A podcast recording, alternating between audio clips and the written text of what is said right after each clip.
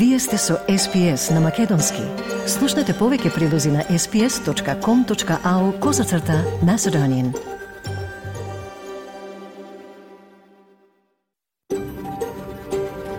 SBS, a world of difference. You're with SBS Macedonian on mobile, online, and on radio.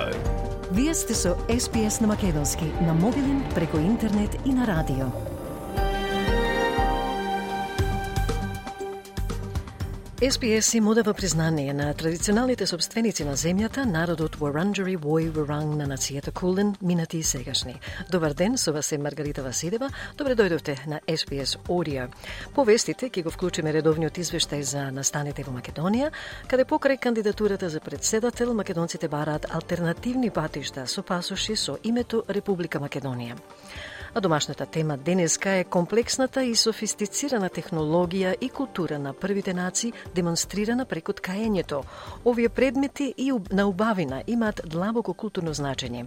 СПС истражува како преку ткаењето се споделува знаење, поврзување со луѓето и земјата. Уште една епизода од рубриката Australia Explained. А кон крајот на програмата се враќаме во далечната 1906 година низ сеќавањата на тројца македонци кои ќе ве запознаат со дел од личноста на првиот свештеник на првата македонска православна црква надвор од мајката земја, отецот Георги Ангеловски. Кој бил отецот Ангеловски? Каков впечаток оставил ке народот? Кои биле неговите способности и како бил избран за една од најзначајните верски и културно-социјални мисии за македонците во Мелбурн? Во серијата разговори од три дела ќе учествува и доктор Ицо Најдовски со дел со цел да дознаеме повеќе за овој талентиран свештеник кој активно се вклопил во сите аспекти на црковно-културниот живот на македонците во Мелбурн. А сега останете со нас, следуваат вестите на СПС со Радица Бојковска Димитровска. Радица повели. Благодарам, Маргарита. Добар ден и од мене. Во денешниот билтен, илјадници австралиски компании од приватниот сектор откриваат големи родови разлики во платите. Највисокиот суд на Обединетите нации ги сослушува последните аргументи за израелската окупација на палестинските територии. Македонските државјани бараат алтернативни патишта со пасоши со името Република Македонија и во тенисот Анди Мерей навести дека ќе се пензионира оваа година откако стигна до 500-та победа на тврда подлога. Слушајте не. 90% или повеќе од работодавачите во рударството, електричната енергија, водоводот и отпадот и индустриите за финансиски и осигурителни услуги имаат родов јаз во платите што ги фаворизира мажите. Агенцијата за родова еднаквост на работното место ги објави просечните родови разлики во платите на речиси 5000 австралиски работодавачи од приватниот сектор со 100 или повеќе работници половина имаат јас поголем од 9,1%, додека националниот просек е 21,7%, што значи дека годишно жените заработуваат во просек околу 26.000 долари помалку од мажите. Судијата исто така откри дека кај повеќето жени во лидерски улоги има пониски разлики во платите, додека работодавците со родовна родова рамнотежа во менеджерските улоги имале 50% поголеми шанси да имаат неутрален јас во платите. Сојузната сенаторка за труд Маландири Мекарти изјави за Канал 9 дека извештајот ја носи необходната транспарентност за тоа што можат и што треба да заработат жените. women across the country uh, and, and employers generally will be able to keep an eye on how they're going. And I think this is what's uh, where we're headed as, as a nation. The struggle for women to to receive, uh, you know, respect in the workplace, but certainly in uh, in their pay. Поранешниот премиер Скот Морисон ќе се збогува со сојузниот парламент со последен говор пред неговото пензионирање од политиката. Господин Морисон треба да го одржи својот говор пред представничкиот дом денеска, со што ќе ја заврши неговата 16 годишна кариера во парламентот. Господин Морисон во јануари објави дека ќе се повлече од политиката во февруари за работа во корпоративниот сектор. Премиерот Антони Албанези изјави за ABC дека ќе присуствува во парламентот за говорот на господин Морисон, за кој рече дека е имал честа да биде 30-тиот премиер на Австралија и дека му посакува се најдобро. He had the great honour of being the 30th Prime Minister of Australia, and it's a, it's a tough job, and I certainly respect the office. On a personal level, I wish him and his family all the best. Пожарникарите во Викторија се фокусирани на спречување на смртни случаи, додека државата се подготвува за уште потенцијално катастрофални временски услови. Оценката за опасност од пожари во регионот Вимера за утре, 28 февруари, е надградена од екстремна, екстремна на катастрофална, со предвидена екстремна опасност од пожари за 6 од 9 области на Викторија до средината на неделата. Се очекуваат ветрови до 45 км на час, а многу делови од државата се очекува да се движат до обсегот од 40 степени. Лук Хегарти од Државниот контролен центар за ABC изјави дека е важно луѓето да се подготват однапред и да го проверат својот план во услови на пожар. So we're encouraging people to really reconfirm their fire plan, make sure that they've checked it, make sure that they've made a decision now because the most important thing is making a decision before a fire starts and moving to a safer place. Полициската комесарка на Нов Јужен Велс Карен Веб им возврати на критичарите откако беше повлечена поканата до полицијата за учество на парадата Мардигра во Сидне оваа сабота. Господица Веб ги опиша оние кои го критикуваа незиниот одговор на неодамнешните убиства како мразачи, откако полицијата рече дека организаторите побарале од нив да не маршираат на годишниот настан на LGBTQI+. Дебатата за полициското учество на парадата на Мардигра беше потикната откако полициски службеник беше обвинет за убиство по исчезнувањето на пар од Сиднеј. Независниот пратеник од Нов Јужен Велс, Алекс Гринич, изјави за ABC дека ја разбира загриженоста на организаторите. The, the Sydney Gay and Lesbian Mardi Gras board, you know, is reflecting a, a community concern and frustration um, with the police and with historic policing practices. Um, however, it's my view that it's best that the police stand with us 365 days a year, and that includes during the Mardi Gras parade.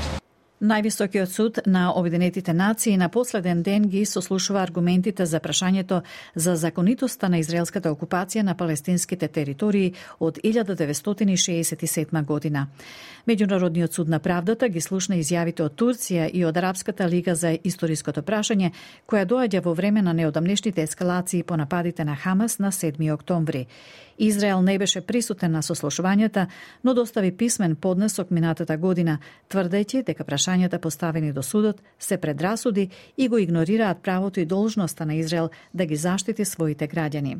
Но турскиот заменик министер за надворешни работи Ахмет Јилдис вели дека окупацијата и неуспехот да се придвижи кон решение за две држави е вистинската пречка за мирот во регионот. The unfolding situation after October 7 proves once again that without addressing the root cause of the Israeli-Palestinian conflict, there can be no peace in the region. Israeli-Palestinian conflict did not start on 7 October 2023.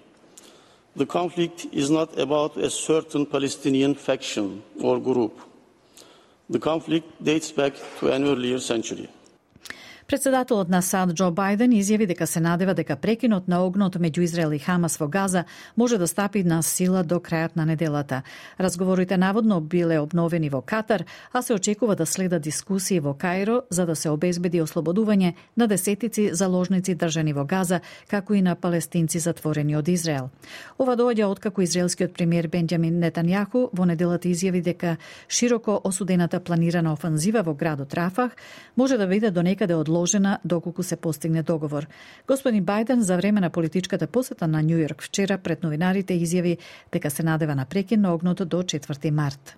Well, I hope by the, the beginning of the weekend. I mean, the end of the weekend. At least my, my, my national security advisor tells me that we're close. We're close. It's not done yet. And my hope is by next Monday we'll have a ceasefire. Шефот на НАТО го поздрави гласањето во унгарскиот парламент со кое што се отвора патот на Шведска да се приклучи на алијансата. Генералниот секретар на НАТО Јенс Столтенберг го опиша гласањето како историски ден по неколку месеци одложување за да се заврши промената на безбедносната политика на Шведска по 200 години неутралност. Членството на Шведска во НАТО беше подржано од 188 пратеници во унгарскиот парламент по притисокот врз владата на унгарскиот премиер Виктор Виктор Орбан од страна на сојузниците во НАТО. Се стравуваше дека господин Орбан, најблиски сој, најблизок сојузник на рускиот председател Владимир Путин во блокот, ќе го спречи пристапот на Шведска, која поднесе барање да се приклучи заедно со незиниот сосед Финска по руската инвазија на Украина во 2022 година. Столтенберг вели дека гласањето докажува дека Путин не успел да ја затвори вратата на НАТО, но рече дека трупите на НАТО нема да бидат распоредени во Украина. This is a war aggression uh, by Russia against uh, Ukraine, blatantly uh, violating international law. According to international law, Ukraine, of course, has the right to self defense, and we have the right to support them in upholding that right, and that's exactly what NATO allies are doing and will continue to do. Македонските државјани кои немаат пасош со новото име се обидуваат да патуваат со пасошот на кој стои името Република Македонија. Тие првин влегуваат во Србија со лична карта со новото име на државата, па со пасош во Хрватска со името Република Македонија и од таму продолжуваат кон европските земји. Има граѓани кои велат дека без проблем патувале од Шпанија преку Бугарија и дека немале проблем со стариот пасош. Но Македонското министерство за надворешни работи се уште нема истакнато список на држави отворени за за старите пасоши, па тие лица кои имаат неодложни обврски во странство се принудени на своја рака да се обидат да влезат во европските земји. Во одсуство на официјален список на држави кои примаат македонски државјани со пасоши со Република Македонија, во јавноста се шират гласови за тоа каде може да се патува но без заедничка одлука на земјите членки на Европската Унија, секоја членка сама треба да донесе одлука. Официјално влез со стариот пасош дозволуваат Албанија, Косово, Швајцарија и Полска. Нов извештај сугерира дека повеќе од четвртина милиона австралици се погодени од болести на срцевите залистоци. Добротворната организација Hearts for Heart откри дека до 2051 година бројот на луѓе кои живеат со болести на срцевите залистоци ќе достигне 435.000. Болеста на срцевите залистоци е болест опасна по живот, а симптомите може да вклучуваат отежнато дишење, палпитации на срцето и замор. Сојузната пратеничка Марија Уам Вакино вели дека има недостиг на соодветни пораки до мултикултурните заедници во Австралија за ова прашање, што е особено тешко за луѓето кои недоволно го познаваат англискиот јазик, навремено да се информираат за болеста. A large number of uh, Australians who are from migrant communities often will, because of a, a lack of uh, English language skills or a lack of programs being targeted specifically in those communities in language, uh, may not be able to avail themselves of, uh, you know, uh, any material or, or any research uh, around diseases, and heart valve is one of those. Um, so there's a language issue also. И во тенисот Енди Мари навести дека оваа сезона би можела да му биде последна откако ја забележа 500-та победа. Британецот стигна до пресвртницата со победата во 4 сета над канадјанецот Денис Шапалов, Шаповалов вчера во првото коло на тениското првенство во Дубај. 36 годишниот фудбалер им се придружи на Роджер 36 годишниот тенисер се извинувам им се придружи на Роджер Федерер, Новак Ѓоковиќ, Андре Агаси и Рафаел Надал како единствените играчи кои стигнале до 500 победи во професионалниот век. Марај вели дека е горд на своето постигнување. 500 is, is yeah, it's, it's a lot of matches, so I'm very proud of that. Obviously, the list that you've given there, there's not many players that have done that, so yeah, great, great to, to get to 500 before I'm done.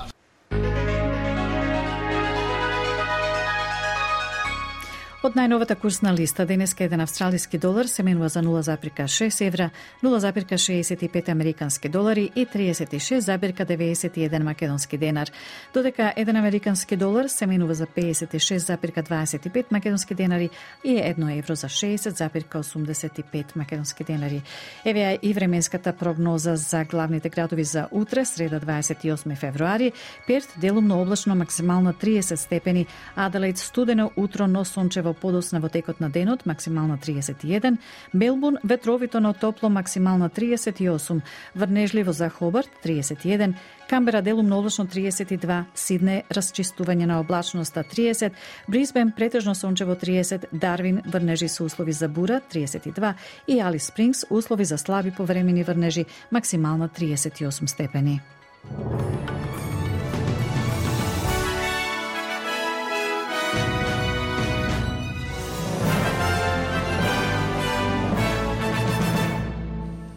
Благодарам, Радица. Денешниот билтен вести, драги слушатели, на СБС со Радица Бојковска Димитровска, ке можете да го најдете на нашите веб и фейсбук страници малку подоцна во денот, заедно со комплетната програма. Вие сте со Маргарита Василева, а исто така и со СПС Одио на Македонски, каде во останатите 45 минути ке емитуваме вести од Македонија, актуелности од Австралија, а кон крајот слушнете и за првиот свештеник на црквата Свети Георги во Фицруј, протоерејот Георги Ѓоко Ангеловски, кој покрај свештеничката дејност бил и уметник, поточно скулптор. Останете со нас. Ја следите програмата на СБС на Македонски со Маргарита Василева. Извештајот од Македонија покрива четири главни теми. Денеска, како прво, најмногу подписи за кандидатурата за председател на државата до сега има собрано Бујар Османи. Македонците барат алтернативни патишта со пасоши со името Република Македонија. Вчера се навршија 20 години од загинувањето на председателот Борис Трајковски и Македонија и натамо ќе и дава поддршка на Украина. Од Македонија се јави Бране Стефановски.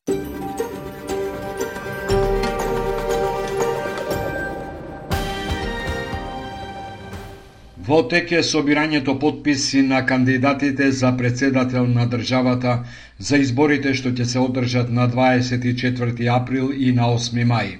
Според официјалните информации на Државната изборна комисија, Бујар Османи е најблиску до цензусот од 10.000 подписи, односно до вчера имаше собрано 8.500.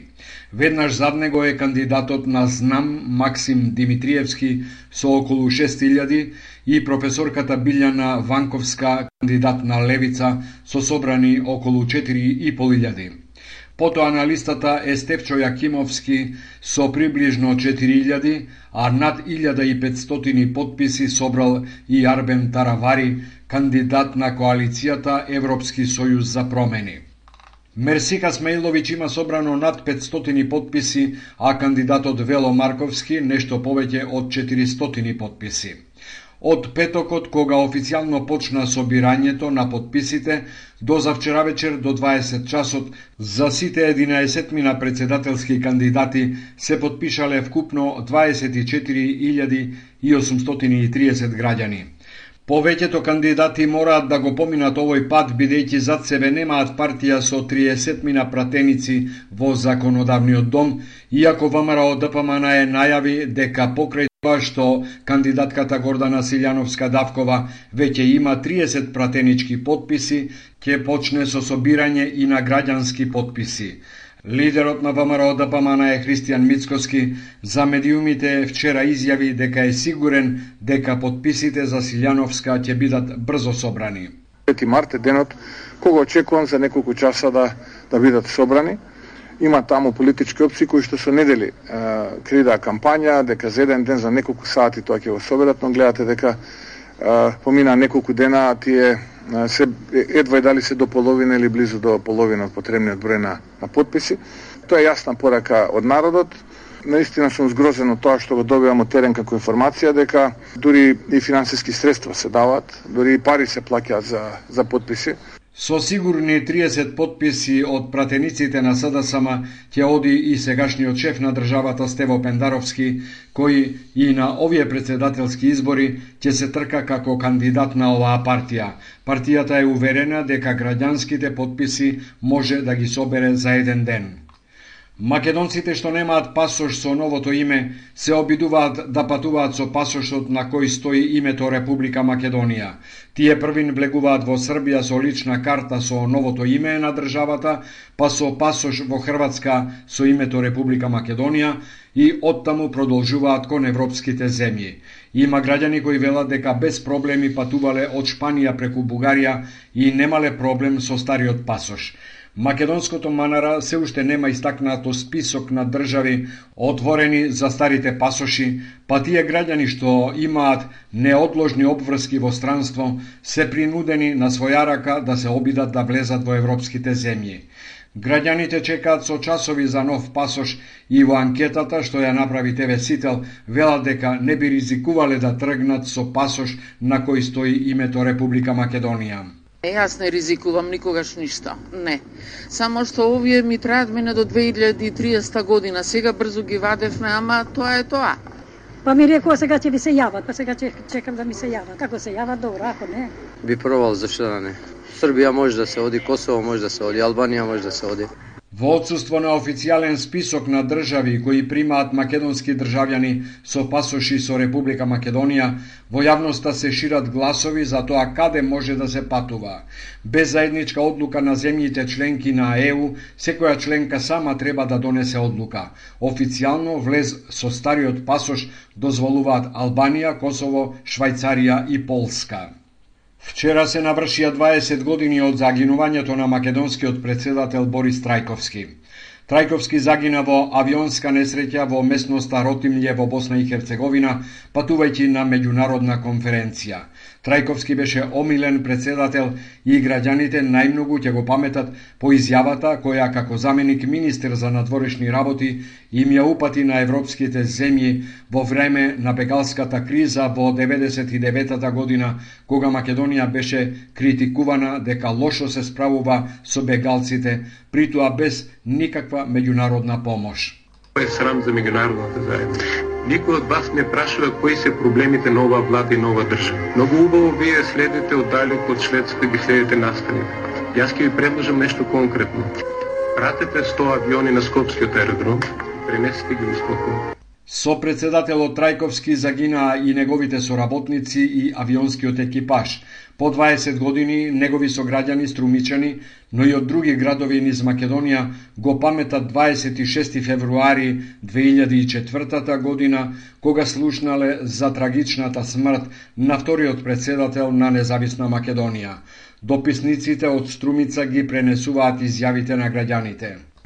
Жално беше, жално. Без слушна веста, да ви кажам искрено, не знам. Не го помнам, заради тоа што тоа беше една страотна вест и не беше не ми беше важно да меморирам кај се наоѓам, него веста што ја слушнав. Иако неговата смрт и на неговите соработници и на екипажот во авионот се припиша на грешки на пилотите, некои од роднините на загинатите велат дека се уште се сомневаат дека се работи за атентат.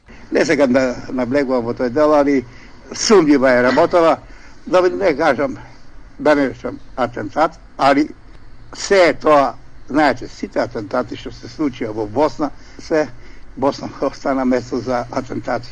Во чест на председателот Борис Трајковски вчера во алејата на великаните на скопските гробишта во Бутел цвеќе положија неговата сопруга и децата, председателот Пендаровски, кој беше негов соработник во тогашниот кабинет, собранискиот председател Јован Митревски, делегација на владата и други министри, градоначалници и здруженија. Почит оддаде владина делегација и во местото Ротимље во близина на Мостар на кое падна авионот. И во неговата родна Струмица на спомен обележието почит оддаде владина делегација. Две годишнината од почетокот на руската агресија врз Украина вчера беше одбележана во Скопје со конференција со наслов Украина две години хероизам. Присутните нагласија дека војната не е само против Киев, туку и против демократскиот свет и НАТО. Украинската амбасадорка во земјава Лариса Дир нагласи дека изминатите две години биле исполнети со борба, отпор, гранатирање и ракетен терор од страна на русите.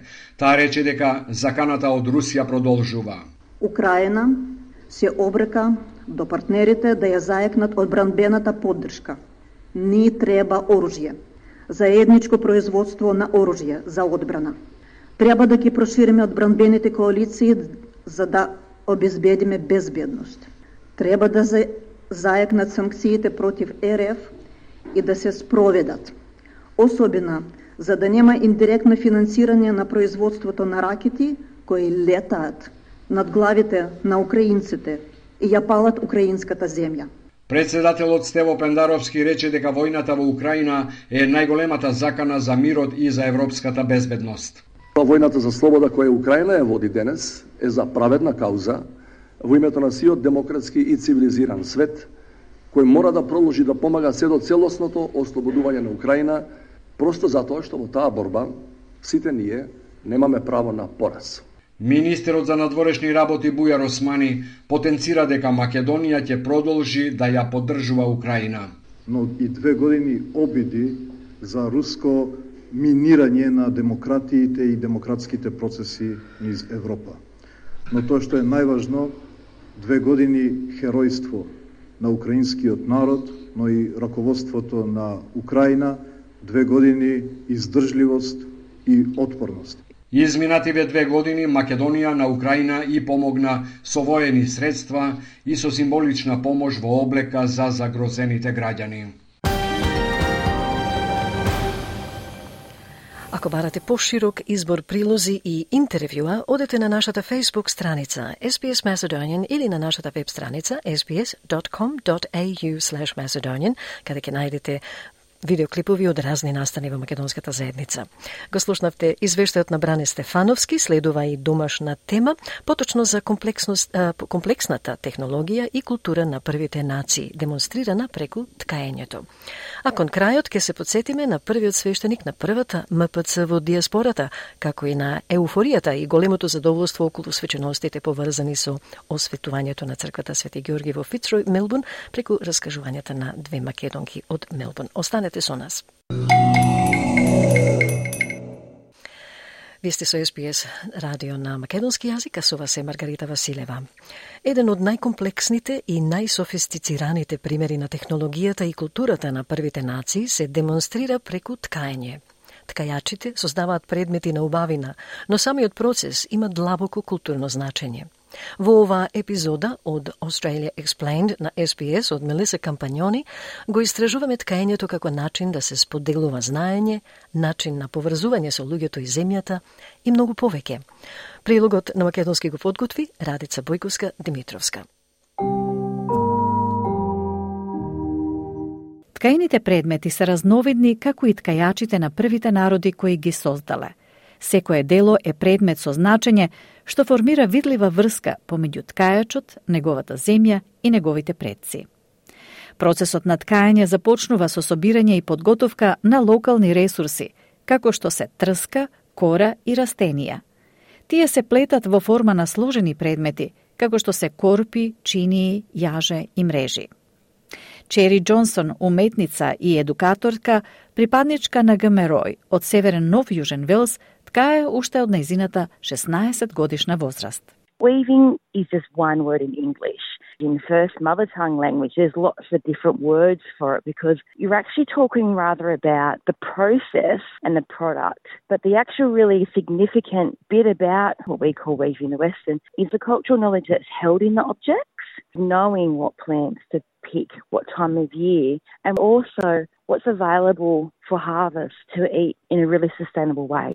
Ткаењето е обштествен процес. Различни генерации седат заедно за да разговараат, да споделуваат приказни и да го научат културното знаење зошто луѓето ткаат, така што идните генерации ќе продолжат со приказните за ткаење, вели господица Джонсон. The importance about weaving is not necessarily just learning the stitches and the process. The importance is actually understanding what you wove with, why those items were significant, what the object that you're making was used for, how to use it correctly. So there's so much involved in it.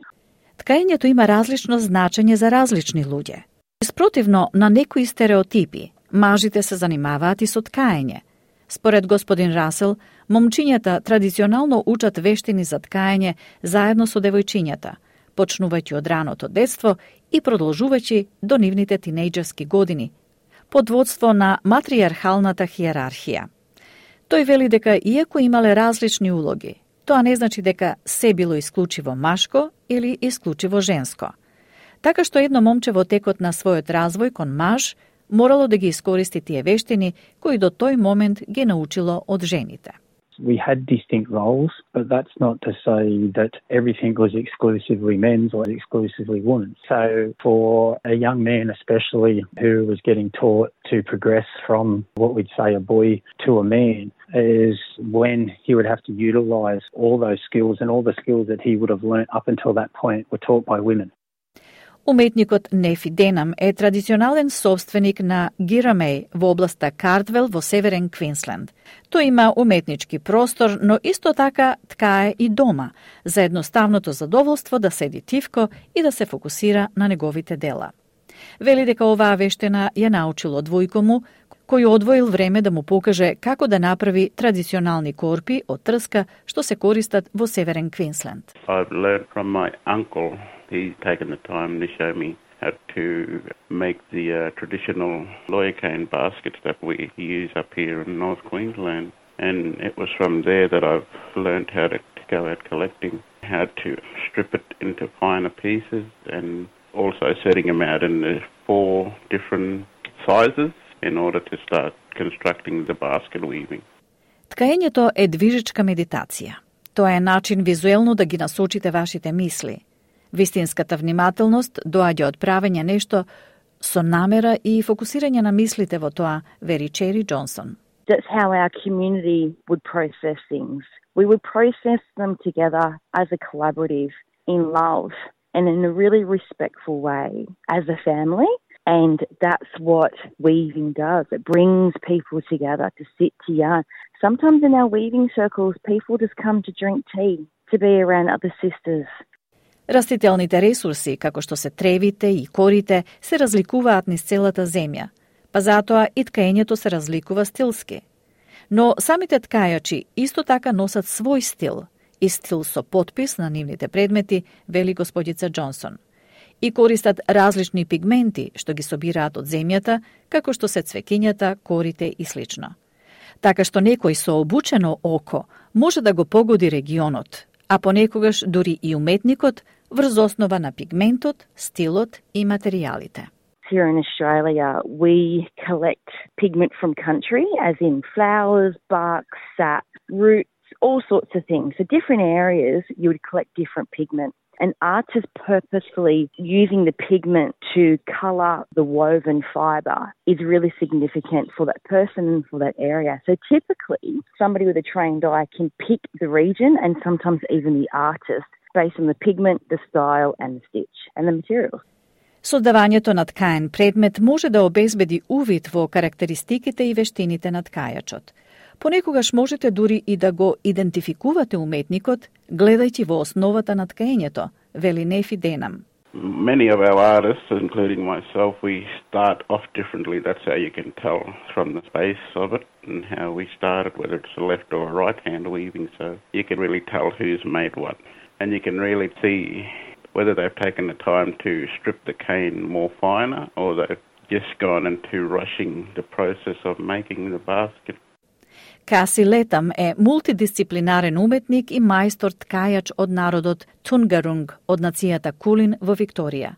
Таа е водител за време на работилниците предводени од првите народи, каде што недомородните луѓе се потикнуваат да се вклучат и да слушаат внимателно having non-Indigenous people partake gives a greater understanding of where us as First Nations weavers come from, everyday uses from our ancestors, but it's mainly really important that they know that these workshops should be First Nations led and they should take away the importance of cultural intellectual properties of our knowledges here in Australia Почитувањето на протоколот е клучно. Иако можеме слободно да го споделуваме нашето знаење, важно е да не го искористуваме за лична корист. Дополнително, мора постојано да ги препознаваме и признаваме учењата на нашите ментори од првите нации. Работилниците често се промовираат преку локалните совети, а можете да пребарувате за заедници за ткаење предводени од првите нации и фестивали за ткаење кои се отворени за секого, вели Кеси Литам. The importance of advertising that it is First Nations led is a main thing. And then having non Indigenous or basketry people coming in and, and working together, united, and learn from each other. And then with the workshops, I post on my Instagrams, and sometimes it's just word of mouth as well. Ткаените предмети сега добија мејнстрим видливост. Има изложби и продажби кои се појавуваат и во големи и во мали галерии низ Австралија. Тие се нарачани за приватни и јавни простори, а се прикажуваат дури и на модни писти. Важно е галериите да ја покажат различноста на културите и средините на првите нации, нагласува господица Летам. The mainstream with weaving is actually a visual insight into the past, which is now the present and all of us weavers are continuing for our future generations. So when people go into galleries, people do need to realise too that our weaving is Australia wide and everyone has a cultural significant story with the weaving or fibres of plants. It's not all the same. Тоа беше Каси Лейтъм, мултидисциплинарен уметник и мајстор ткајач од народот Тангаранг од нацијата Кулен во Викторија. Тоа беше уште една епизода од рубриката Australia Explained на SBS. Вие сте со SBS Audio на Македонски, а со вас е Маргарита Василева.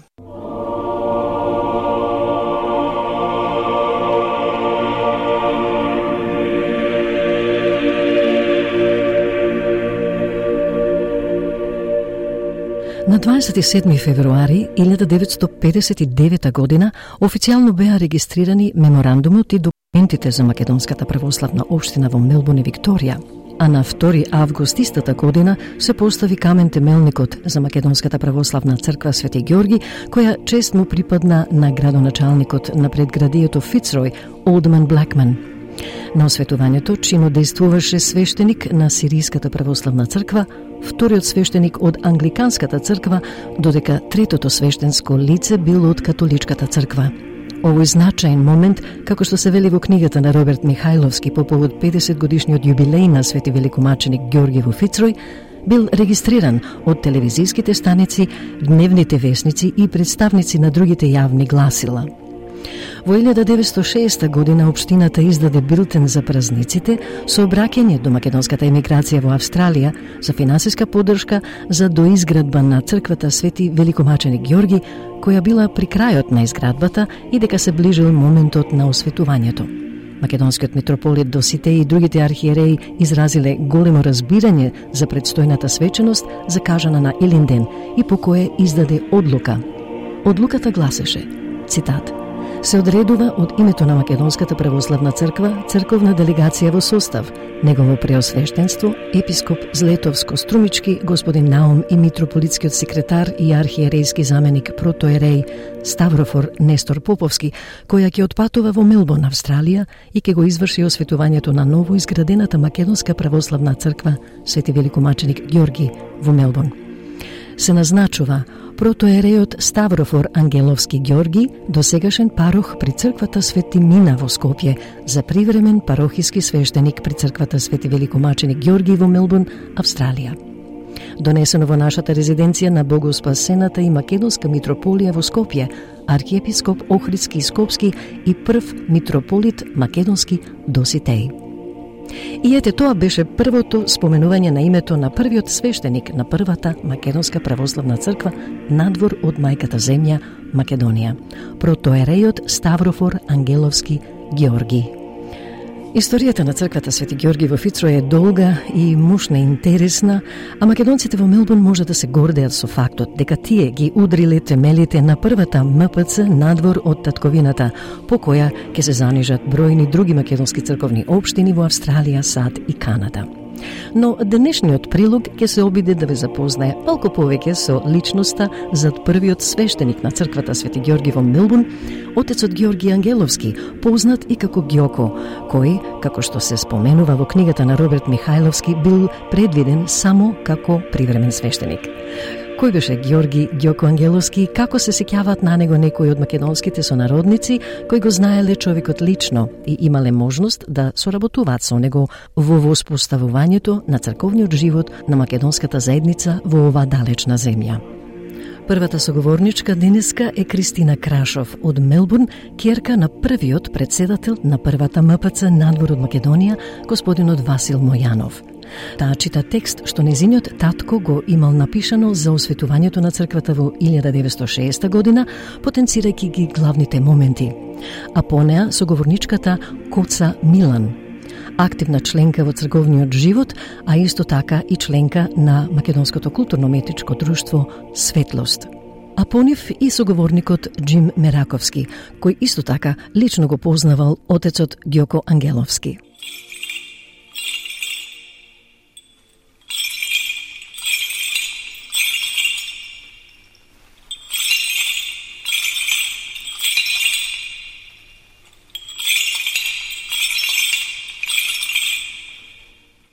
Во е писано од татко ми. На Илинден 7 август 6 година кандилата се запалија од владиката Наум и Неста Поповски и Попо Георги Ангеловски камбаните пијат силно. That was a beautiful thing. И сетне подлу пише за првата македонска служба да се пее Евангелието на македонскиот език.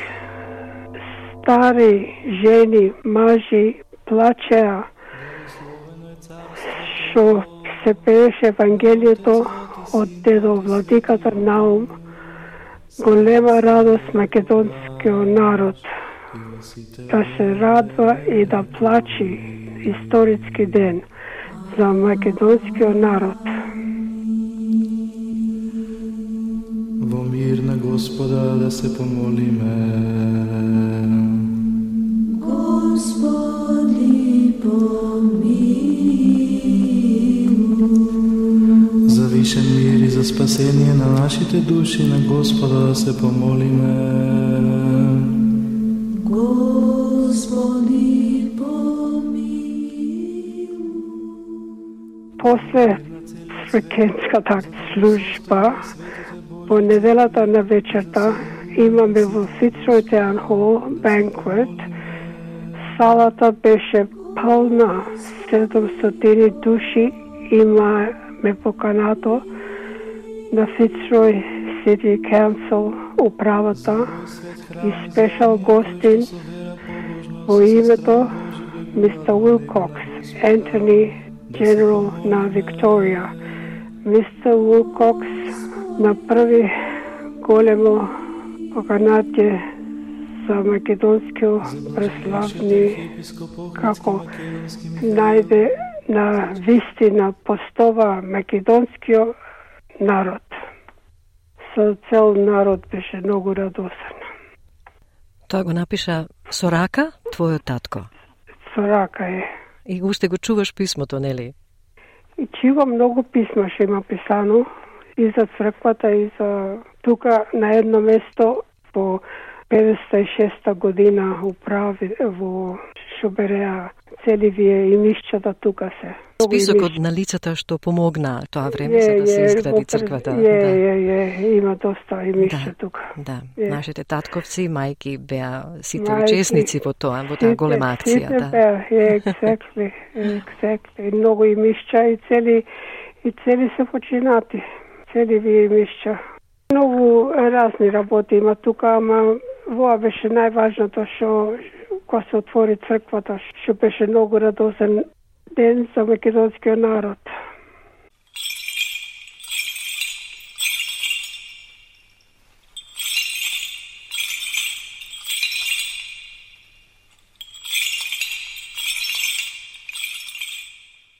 Како со многу голема радост.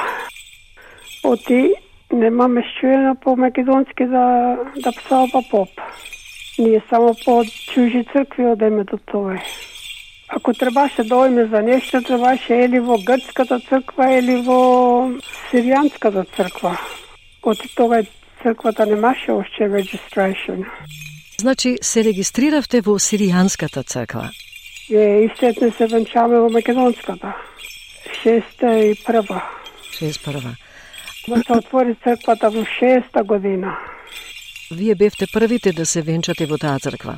Не знам дали беме првите, ама ние се венчаме во ноември на 12 Црквата се отвори во шеста година, ама немаја право да праве registration е, за свадби, за такви работи.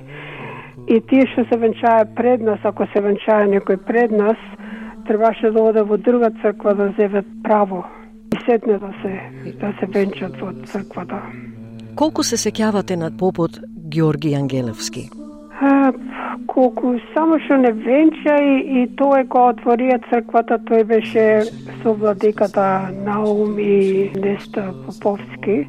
Трите беа што отворија црквата на 7 август по 6 година.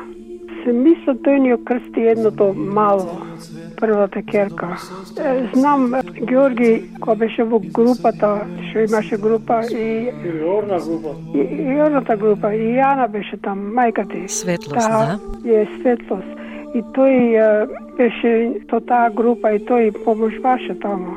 That's all I know because не бевме толку close со попоите тога не беше ко, ко страм, ко страх, ко, ко нешто. Дали се сеќавате каков човек беше, мислам каков карактер имаше? Дали беше лесно да зборуваш со тој поп? Полесно беше од многу од попоите сега. Појке беше approach, можеше да он approach him more than вие попој сега. Yeah, I think so. Сега ми стои како повите uh, a little bit standoffish.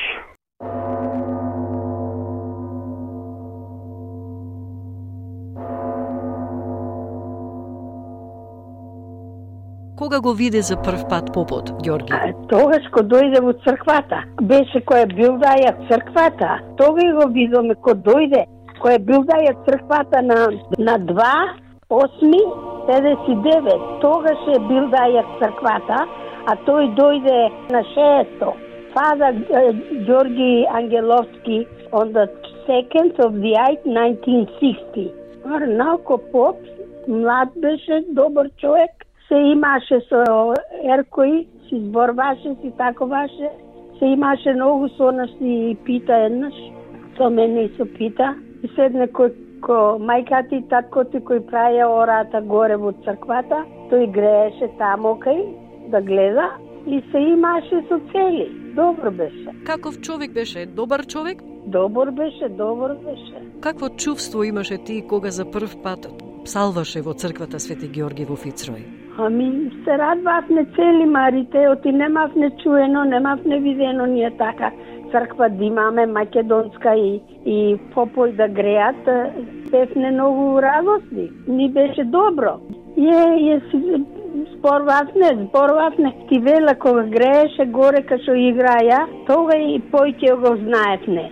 Сакаше да, да види нешто во Мелбурн и напита му велеше да го однеси до морето, да види море кај има ту во Австралија Во прошетвавме така ние некој пат кога може. Попот Ѓорги имаше и друг талент, не беше само свештеник, туку тој беше и уметник. Раскажи ни нешто за твоето искуство со отецот Ѓорги и неговата уметност како скулптор. Така зеде да кажва како беше, што беше тој и се не рече, јас сакам да, да ти направам главата.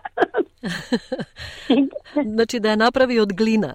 Така беше човекот сакаше да се меша со друштво, со млади луѓе, и тој беше не беше стар човек, Убаво врвевне. Тие имаш се уште скулптурата од твојата глава. Ја. Што стана со главата на вашиот сопруг Пите Милан? Скршиме. Се скрши? Се скрши. Ни падна што се дали клај горе таму на долапо да. да се пули заедно и паднаме е скршиме. Мојата уште таму стои. Јас се уште ја имам мојата дома.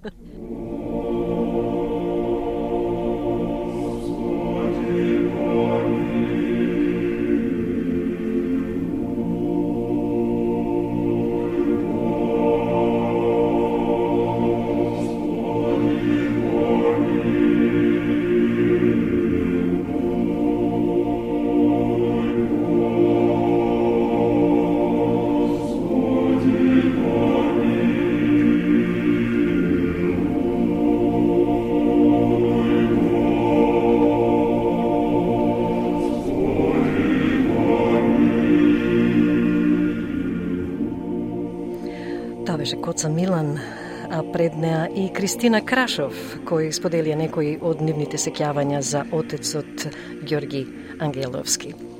Утре ќе продолжиме и со вториот дел од нашиот прилог посветен на отецот Ангеловски. А за крај, драги слушатели, да се подсетиме и на главните вести на СБС.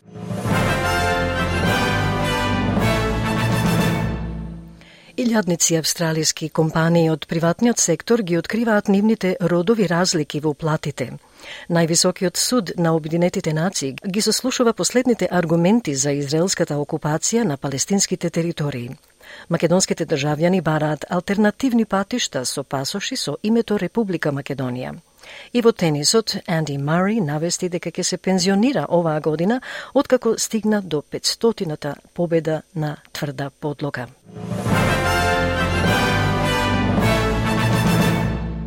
И тоа е се за денеска, почитувани слушатели. Ви благодарам што бевте со нас во изминатиот час. Ве очекуваме и утре во исто време, а во меѓувреме за избор прилози, интервјуа и видеорепортажи на разни теми од разни настани во македонската заедница, посетете не на нашата интернет страница sbs.com.au или на нашата Facebook страница SBS Macedonian, каде можете да оставите и ваш коментар.